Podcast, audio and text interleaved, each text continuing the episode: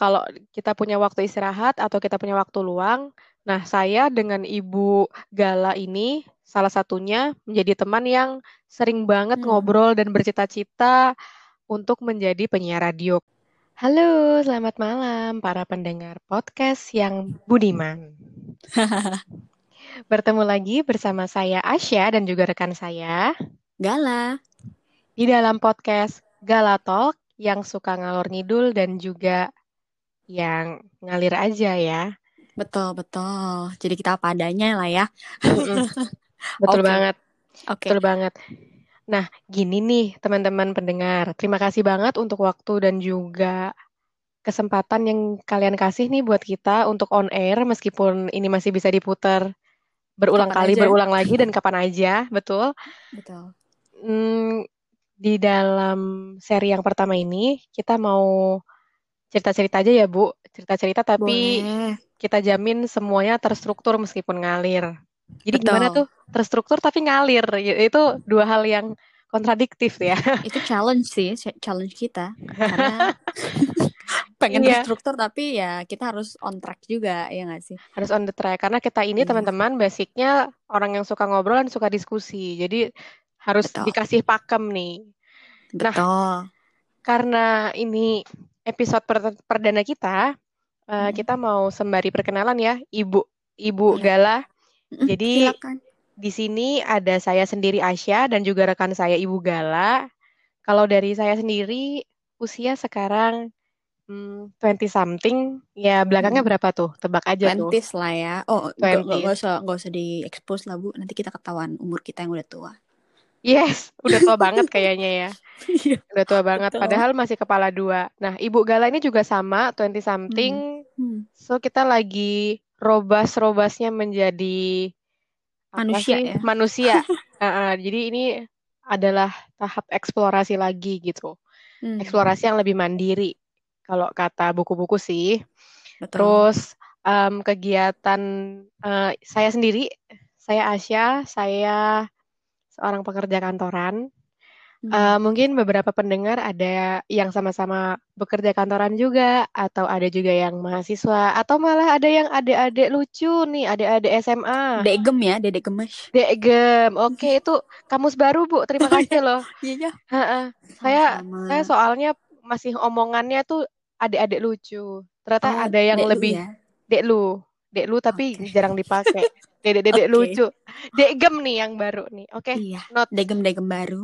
degem-degem yang mau mendengar boleh banget. Ini konten yang juga akan helpful buat kalian karena kalau Hmm. misalnya kalian mau mencari inspirasi tentang bagaimana sih eh, orang yang di usia 20 tahunan itu running their own life itu bisa sih menjadikan kita salah satu Untuk referensi buat kalian. preparation lah ya. Yes. uh, menuju Heeh. real life. Kalau orang bilang mungkin kalau udah lulus kuliah tuh itu uh, welcome to real life gitu kan. Nah, itu benar banget. kerja gitu kan ya. Mungkin ini Nah, preparation buat ya degem-degem yang masih kuliah, yang masih have fun have fun. mm-mm. Mungkin bisa uh, dengerin Kita berdua. betul. Mm-mm, mm-mm. Bener tuh Dek Gem. Jadi monggo banget siapa pun itu bisa dikonsumsi. Ah, kalau misalnya anak-anak SD, hmm, kayaknya itu kita Aduh, terlalu enggak advance. jangan. Enggak ya, pokoknya jangan, jangan. batasnya eh, usia-usia SMA itu berarti eh, menjelang dewasa Eh, awal ya. eh, ya, ya, ya, betul, Menjelang betul. dewasa awal. Ya. Mm-mm, license-nya. Mm. Jadi ini kita disclaimer dulu ya, Ibu Gala. Jadi em, meskipun ini konten yang sangat mengalir dan tidak eksplisit karena kita akan tetap membuatnya teratur dan terstruktur, Hmm. tapi kita disclaimer karena mungkin di usia tertentu adik-adik yang di bawah eh, usia SMA itu berarti 16 sampai 18 tahun itu mungkin agak akan sedikit perlu bimbingan atau perlu pengalaman tersendiri gitu ya untuk bisa Hmm. mencerna eh, topik yang akan eh, saya dan Ibu Gala ini bawakan gitu. Hmm, betul betul dan eh, apa namanya mungkin beberapa topik yang kita share nanti butuh juga untuk em, apa ya dieksplor lagi se- sendiri gitu ya maksudnya Mm-mm. eh, ya kita juga butuh eh, kemampuan teman-teman untuk resourcefulness maksudnya cari Mm. lagi uh, make sure lagi karena apa pun yang kita sharing ini ya itu menurut uh, personal opinion Yes. kita usahakan Heeh. untuk gak judgmental juga kan Bu ya Ya. maksudnya ya gitu. Jadi ya seputar sharing-sharing biasa aja kayak temen gitu kan. tapi ya tadi sih uh, apa pun yang kita share itu juga harus kembali disaring lagi sama teman-teman. Jadi jangan Betul. uh, langsung dimasukin uh, ke dalam uh, pakem masing-masing gitu. Tapi Iya. ya uh, siapa namanya dicari-cari dulu lah. Ibaratnya kan di Google Mm. banyak nih ya Bu ya. Iya. maksudnya ya gitu sih So this is for your in- inspiration and inf- information. So uh, tetap dipakai juga critical thinkingnya. Kita bisa Betul. berpendapat, tapi uh, pendapat saya dan juga Ibu Gala itu kan dua-duanya sangat subjektif dan personal. So make sure untuk Betul. tetap sesuaikan supaya selalu align dengan pakem yang sudah kalian punya dan sudah kalian yakini selama ini. Seperti itu karena tadi kan Hmm. kita ngomongin usia kita berapa sih? Kita 20 something ya oh kan? ya kita 20 something betul dan Mm-mm. uh, ibu kan tadi uh, pekerja kantoran ya Bu ya Yes. yang day to day memang harus ke kantor tapi memang karena pandemi ini jadi full work from home ya Yes. Bu Asya Heeh. hmm. Perlu diingat hari ini tanggal em, 11 Bulan September September dan di tahun 2020, tahun 2020 ini cukup fenomenal karena waktu awal tahun 2020 itu kan Jakarta karena kita eh, kita berdua ini eh, pekerja kantoran di Jakarta juga. Awal-awal tahun betul 2020 ingat nggak Bu apa ada kejadian apa? Banjir.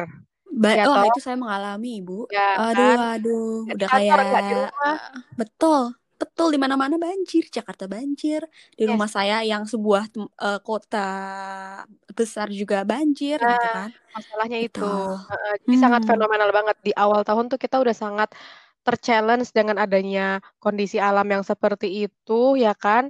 Terus di hmm. pertengahan tahun, pada pertengahan, bukan pertengahan tahun, malah masih Q1, kan Januari sampai Maret ya.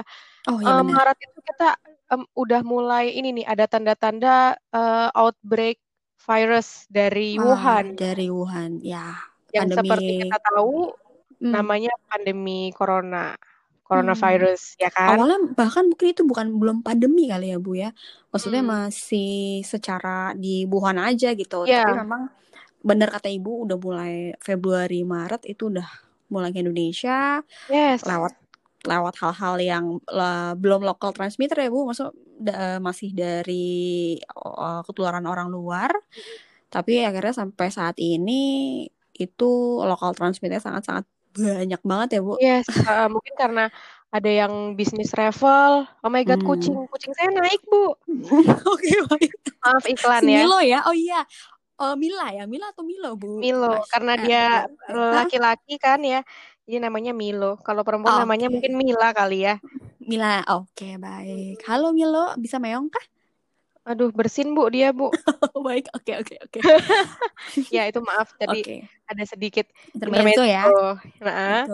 Oke. Q1 Nah, aja tuh udah ada mm-mm. pandemi itu ya. Kita nggak nyangka akan jadi pandemi. Jadi makanya karena itu tuh apa namanya menjadi satu hal yang perlu diperhatikan banget dan jadi satu kewaspadaan, makanya ada kondisi di mana Ibu Gala dan saya sendiri itu harus work from home atau remote working ya, Bu? Betul. Kalau ibu kan work from home. Kalau Hmm. saya akhirnya diputuskan untuk remote working, gitu Nah, kan. Plus minus nggak sih Bu? Maksudnya sejauh ini? hmm, kalau saya pribadi, ini kembali ya, ini saya pribadi loh. Mm-mm. Eh, saya sih merasa banyak keuntungannya eh, work from home sih, Bu. Hmm. Gitu, Oke. karena saya bisa recharge karena saya cenderung orang yang introvert ya. Introvert ya. Itu kayak surga banget ya buat. Surga banget untuk Mm-mm. bisa apa reserve energi kita di apa nggak terlalu banyak ketemu orang sih sebetulnya. Betul, Gitu. betul. Oke, apalagi eh oh kita udah ngasih tahu belum ya kalau memang kita eh menekuni bidangnya eh, HR. Oh, belum, belum banget. Hmm, Kalau oke. ibu sendiri kan juga remote working. Nah, plus minusnya apa Hmm, nih, Bu, remote working? Kalau saya kan merasa lebih banyak merasa untung. Kalau ibu sendiri hmm. lebih banyak Kalau apa? kalau bener sih, maksudnya tadi mungkin kilas balik ke statementnya Ibu Asya, Mm-mm. kita bisa recharge karena kembali lagi karena kita penekuni bidangnya HR yang mana adalah day to day-nya ketemu banyak orang Ah, Eh, nggak harus face to face ya nggak sih bu? Ya, Eh, ngobrol aja tuh menurut kita tuh udah benar-benar bikin kita exhausted. Maksudnya bener-bener capek. Ya, terus setuju. karena memang ya secara natural kita berdua adalah cenderung introvert gitu mm-mm. nah wa- walaupun kan introvert extrovert itu kan spektrum ya bu Ya, maksudnya nggak hanya terkotak-kotak gitu mm-mm. kita cenderung introvert dan eh, jujur juga menurut saya itu sangat plus karena Sangat plus bisa ya. recharge betul dan mungkin kendalanya buat teman-teman yang time managementnya masih agak sulit itu kendala besar tapi Mm-mm. ya buat saya sih sebagai orang yang time managementnya Sudah lumayan terasa. baik. Lumayan baik ibu. Belum belum perfecto. Yes. itu oke lah gitu. Mm. jadi menurut saya sih plusnya banyak banget untuk WFH dan hopefully ke depannya karena memang platform untuk WFH-nya juga udah banyak bu. Ada Ya. Zoom ada MS Teams sekarang ada Google Duo Google Meet semuanya ada. Mm-mm. itu udah simple banget ke depannya ya semoga Indonesia ba- lebih banyak lagi kerjaan-kerjaan uh, work from home atau remote working gitu Mm. Saya sangat berharap banget sih itu Iya ya ada pekerjaan yang seperti itu karena terus terang dari kita bulan Maret itu ya Bu, Hmm. baik Ibu Gala dan saya sendiri itu juga kan udah mulai diperintahkan untuk bekerja dari rumah bukan di site kan. Dan dari Hmm. Maret sampai sekarang September itu tujuh bulan ya, itu lama betul banget. Banget bu Dan sekarang itu jam biologis kita udah men- menyesuaikan dengan kegiatan kita selama di rumah. Selama di rumah itu kan mobilitasnya itu kan pendek. Paling Hmm. ruang tamu meja belajar, meja makan, ya toh, kamar Hmm. mandi, kayak gitu-gitu aja Hmm. kan, nggak ada travel time. betul Jadi betul eh, otomatis ngaruh ke jam tidur juga, ke jam Mm-mm. istirahat gitu.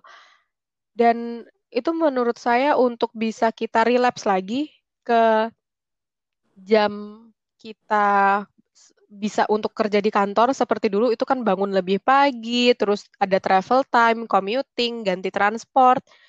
Nah, Hmm. itu build up-nya akan dari nol lagi kalau saya nih. betul ibaratnya kalau kita ngomongin psychology ada namanya circadian rhythm ya bu ya Ah, iya iya iya. ya Setuju itu setuju itu itu namanya. bahasa ilmiahnya lah mungkin nanti teman-teman bisa eh, cari tahu ya sekalian belajar ya dong. Iya, sekalian belajar. Hmm, ya itu sudah sudah berubah karena memang ya masing-masing bisa di-adjust kan Bu sesuai dengan environment. Maksudnya beradaptasi lah dengan uh, tadi yang Ibu mention Ya. environment kita uh, kita bisa bangun lebih fleksibel Mm. lalu kadang-kadang kerjaan juga bisa dibawa sampai malam ya Bu Ih, bener banget. Sampai begadang-begadang. Kadang kita itu bekerjanya nggak 24 per 7 ya nggak sih, Bu? betul betul Kerjanya itu mungkin jadi 25 per 7. Kalau ada, kalau bisa. serem ya Gitu. ada ada jam baru gitu ada jam oke baru. oke Itu kita kita bikin sendiri kayaknya tuh, Bu. iya Itu iya kamus kita. Tapi mungkin teman-teman pendengar yang ada di rumah, yang ada di jalan, yang lagi dengerin kita ngobrol di sini, mungkin setuju juga. Dan kenapa kita harus mention di sini tanggalnya em, lengkap dengan tahunnya 2020 karena ini Hmm, pasti akan jadi tahun yang sangat remarkable apalagi untuk 20 banget something. 20 something yang lagi em, apa namanya yang lagi semangat-semangatnya untuk memulai hmm, berkarir. Ada hmm. yang baru mulai dan ada yang lulus baru lulus ya toh. Hmm. Heeh, setuju Dan banget. terkendala ini ya Bu, maksudnya kadang-kadang ya kalau kita lihat dari dua perspektif yang berbeda, buat kita yang memang sudah uh, nyaman di sebuah kantor, udah Ya, punya kantor, mungkin ya. itu jadi hal yang positif. Cuma mungkin bagi teman-teman yang baru lulus uh, dan punya kendala, aduh nggak susah nih cari kerja, ya Mm-mm. ya bener sih remarkable tapi plus minus juga gitu. Iya. Hmm. Remarkable-nya jadi dari dua perspektif, aku setuju banget. Ada yang merasa menjadi challenge yang baik, tapi ada juga yang menjadi, em, menjadikan challenge yang kurang begitu menguntungkan Hmm. gitu. Hmm. Ya, setuju banget. Itu Betul. setuju banget. Jadi kalau remarkable itu memang dua hal sih ya, eh, positif negatif gitu. Terus ya itu dia tadi kegiatan kita karena kita pekerja kantoran dan karena ada kondisi pandemi yang eh, it's not fooling around. Ternyata ini pandeminya serius nih. Ini Udah kayak jadi bagian hidup mungkin ya nanti nextnya kayak iya, flu biasa. Heeh, dan mungkin kalau kita sering baca jurnal atau nggak sering baca sih, kalau baca tuh kan kayaknya diniatin banget. Hmm. Misalnya nggak sengaja ketemu jurnal kesehatan, entah itu uh, dari WHO atau gimana, itu kan ada ahli-ahli yang memprediksi bahwa ini pandemi tidak akan selesai dalam satu, kurun satu tahun 2020 ini. Hmm. Mungkin akan sampai tiga tahun ke depan dan sampai lima tahun ke depan itu baru akan bersih, bersih entah dari seluruh muka bumi atau mulai dari satu region dulu. Hmm. Nanti kita akan bahas juga sih nanti di episode selanjutnya ya, Ibu boleh, Gala. Boleh banget. Karena ini kan kita untuk keperluan intro dulu, mm -mm. jadi um, bolehlah kita kasih intro dengan background uh, kondisi kita selama ini yang hmm. work from off uh, work from home, from home dan juga remote working tapi dengan kondisi COVID yang tidak main-main gitu. Hmm. Mengingat kondisi Betul. COVID ini sangat tidak main-main. Pandemi yang totally menyadarkan kita untuk lebih peduli lagi sama alam gitu. Hmm. Karena kan ini virus itu biasanya keluar dari apa sih bioma yang tidak uh, yang tidak lagi banyak misalnya kayak hutan-hutan yang semakin banyak digunduli. Nah, itu tuh hmm. yang saya pernah baca nih. Nanti lagi-lagi hmm. kita akan bahas di episode selanjutnya. Boleh, boleh. Uh, itu tuh akan menjadi patogen. Hmm. Jadi hutan itu menetralisir patogen sebetulnya. Nah, karena hmm. sekarang hutan kita tuh habis. Habis. Jadinya gitu, jadi uh, akan mudah sekali untuk muncul virus-virus dan bakteri yang bisa berkembang lebih cepat gitu. Setuju sih, Karena Bu. tidak ada netralisirnya gitu.